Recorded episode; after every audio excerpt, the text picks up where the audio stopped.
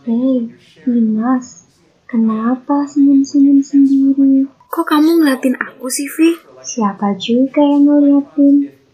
Hmm, kamu naksir sama dosen itu ya? Enggak, enak aja kamu ini nuduh-nuduh. Hei, hei, jangan pada ribut.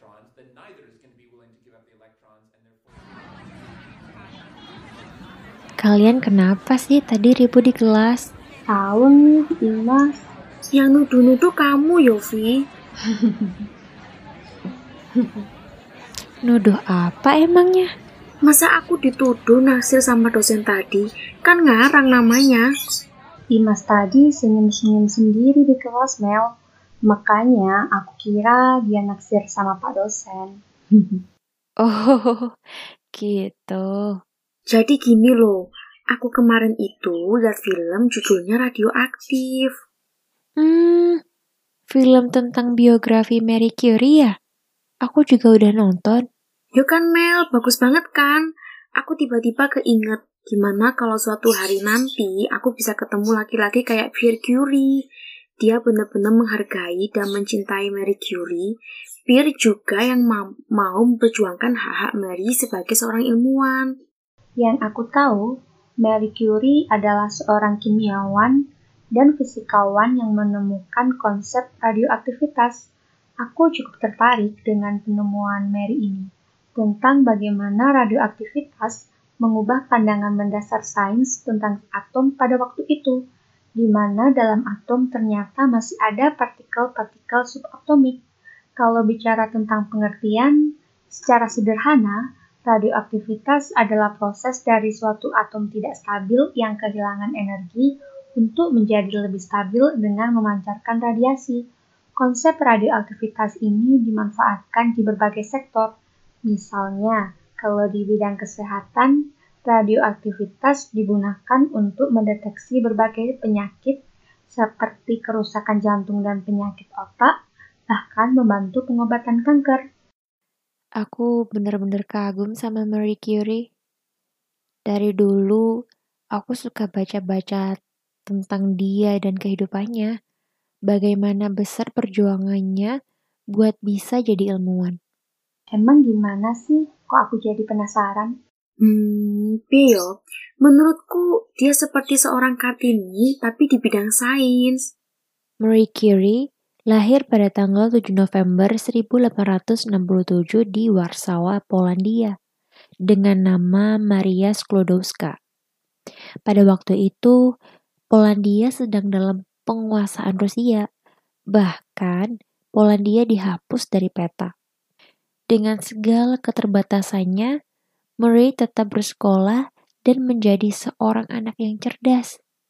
Tapi Murray punya tantangan besar. Perempuan pada waktu itu nggak bisa mendapatkan pendidikan tinggi.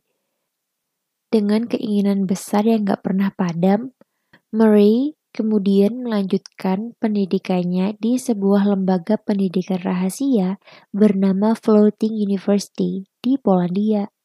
Murray pingin banget nih buat ngelanjutin pendidikan tinggi di Paris. Saat itu Paris adalah sebuah pusat teknologi dunia gitu. Tempat orang-orang pintar bekerja dan belajar untuk membuka tabir ilmu pengetahuan. Kamu tahu nggak, Vi? Kalau Mary harus kerja dulu selama 6 tahun sebagai pengasuh dan tutor anak-anak buat ngumpulin biaya kuliahnya. Dia akhirnya bisa ke Paris pada umur 24 tahun. Perjuangan panjang bagi seorang perempuan pada masa itu untuk bisa punya pendidikan tinggi. Pada tahun 1981, Mary diterima di Paris University atau yang dikenal dengan Sorbonne pada 1893, ia mendapat gelar sarjana di bidang fisika, lalu sarjana matematika satu tahun setelahnya. Di Paris juga, Marie bertemu dengan Pierre Curie yang juga seorang ilmuwan. Pierre tertarik dengan penelitian Marie yang brilian, maka dari itu Pierre mengajak Marie buat bekerja sama.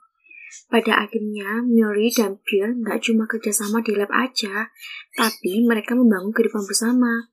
Mary dan Pierre menikah di tahun 1895. Mereka berdua bersatu menjadi tim ilmuwan yang hebat. Ah, Dari sini Mary tertarik dengan penelitian seorang fisikawan bernama Henry Becquerel tentang uranium nggak sih? Iya, betul. Henry Becquerel menemukan bahwa uranium secara spontan bisa memberikan bercak kehitaman pada lempeng fotografi. Lempeng fotografi atau photographic plate ini adalah sebuah media yang digunakan untuk menangkap foto hingga sekitar akhir abad 20 lah. Kalau gitu, berarti ada reaksi di antara uranium dengan lempeng fotografi ini. Iya, pada tahun 1896, Henry Becquerel menemukan bahwa uranium memiliki sebuah radiasi yang mirip dengan X-ray. Henry memperkirakan bahwa radiasi yang dihasilkan bukan dari faktor luar, tapi datang dari dalam uranium itu sendiri. Murray tertarik dengan hal itu kemudian menelitinya lebih lanjut. Aku rasa pemikiran itu mungkin dianggap terlalu ekstrim ya pada waktu itu. Karena pada waktu itu, atom dianggap sebagai sesuatu yang nggak bisa dibagi lagi. Dengan adanya gagasan ini, memungkinkan bahwa atom terbagi oleh beberapa bagian. Iya, Murray dan Pierre terus meneliti hal ini. Mereka fokus pada sebuah biji mineral bernama pitchblende yang kaya akan uranium. Dengan bantuan alat bernama elektrometer yang dimiliki oleh Pierre, Murray kemudian melanjutkan penelitian dan menemukan bahwa radiasi uranium bisa menghasilkan tegangan listrik di udara. Padahal, udara adalah penghantar listrik yang sangat buruk. Murray juga menemukan bahwa aktivitas uranium hanya dipengaruhi oleh kuantitas atau jumlah dari uranium.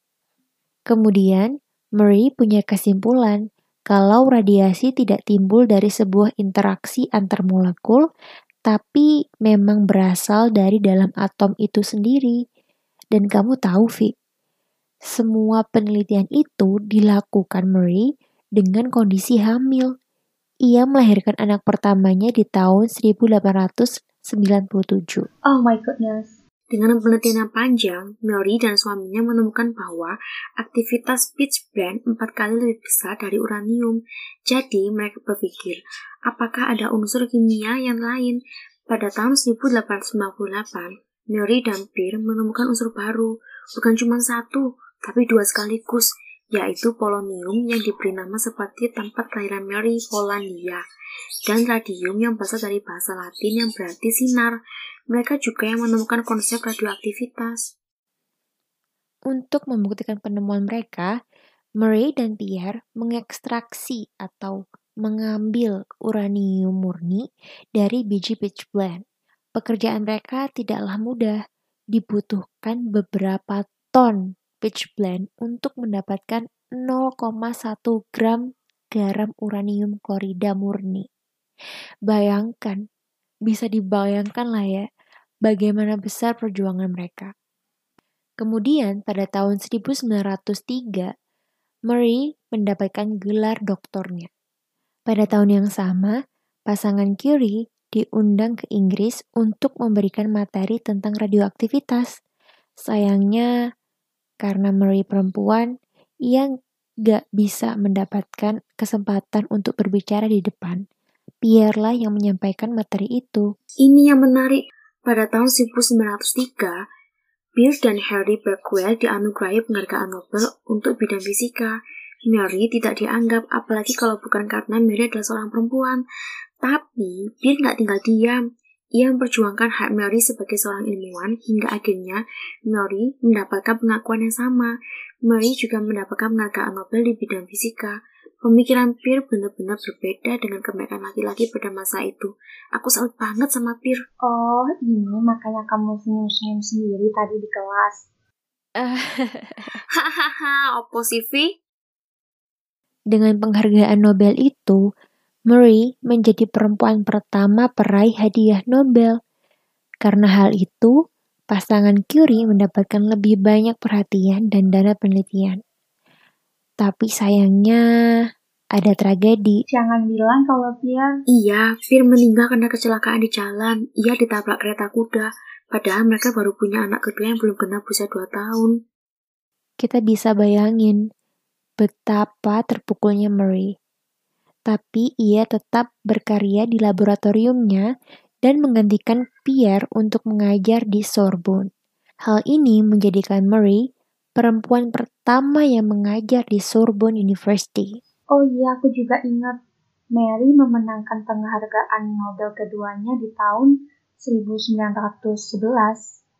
Kali ini di bidang kimia, yang menjadikan Mary orang pertama dan satu-satunya yang memenangkan dua penghargaan Nobel di dua bidang yang berbeda. Mary terus memberikan kontribusinya kali ini untuk membantu korban pada Perang Dunia I yang membuat alat sinar X, mobil radiografi, dan lain sebagainya sehingga membantu tentara di medan perang untuk memperoleh prosedur medis dengan lebih cepat. Setelah perang pun, Mary tetap berkarya dan menghasilkan penemuan-penemuan lain dan berkolaborasi dengan ilmuwan dari berbagai negara. Sayangnya, semua itu harus dibayar mahal. Murray meninggal pada tahun 1934 karena penyakit sumsum tulang belakang. Diduga karena kontaminasi senyawa-senyawa kimia yang ia gunakan selama bekerja. Aku bangga banget sama Mary dedikasinya buat ilmu pengetahuan sangat tinggi. Secara nggak langsung bikin aku jadi lebih semangat belajar yang kadang-kadang masih males sih hehe. Ya ampun Vi, males dari Hongkong ah?